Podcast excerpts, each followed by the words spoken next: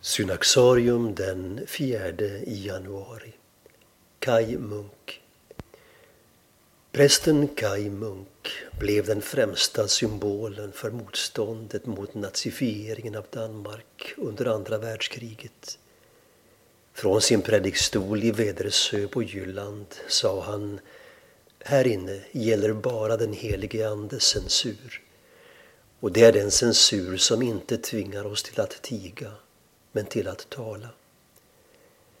Kai Munk föddes den 13 januari 1898 på ön Lolland i Danmark.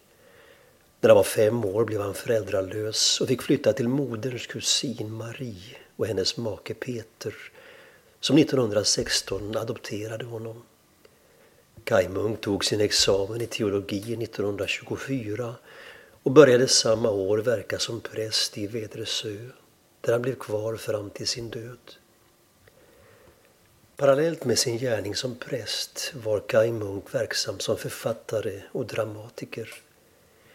I pjäsen Smält degen från 1938 tog han tidigt ställning mot de nazistiska judeförföljelserna.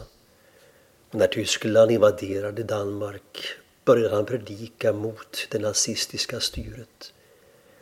I ett flertal pjäser uppmanade han danskarna att göra motstånd mot tyskarna. Pjäserna beslagtogs och han förbjöds även att predika, något han bröt emot i december 1943. Den 4 januari 1944 hämtades Kai Munk av Gestapo från sin fru och de fem barnen i prästgården i Vädersö.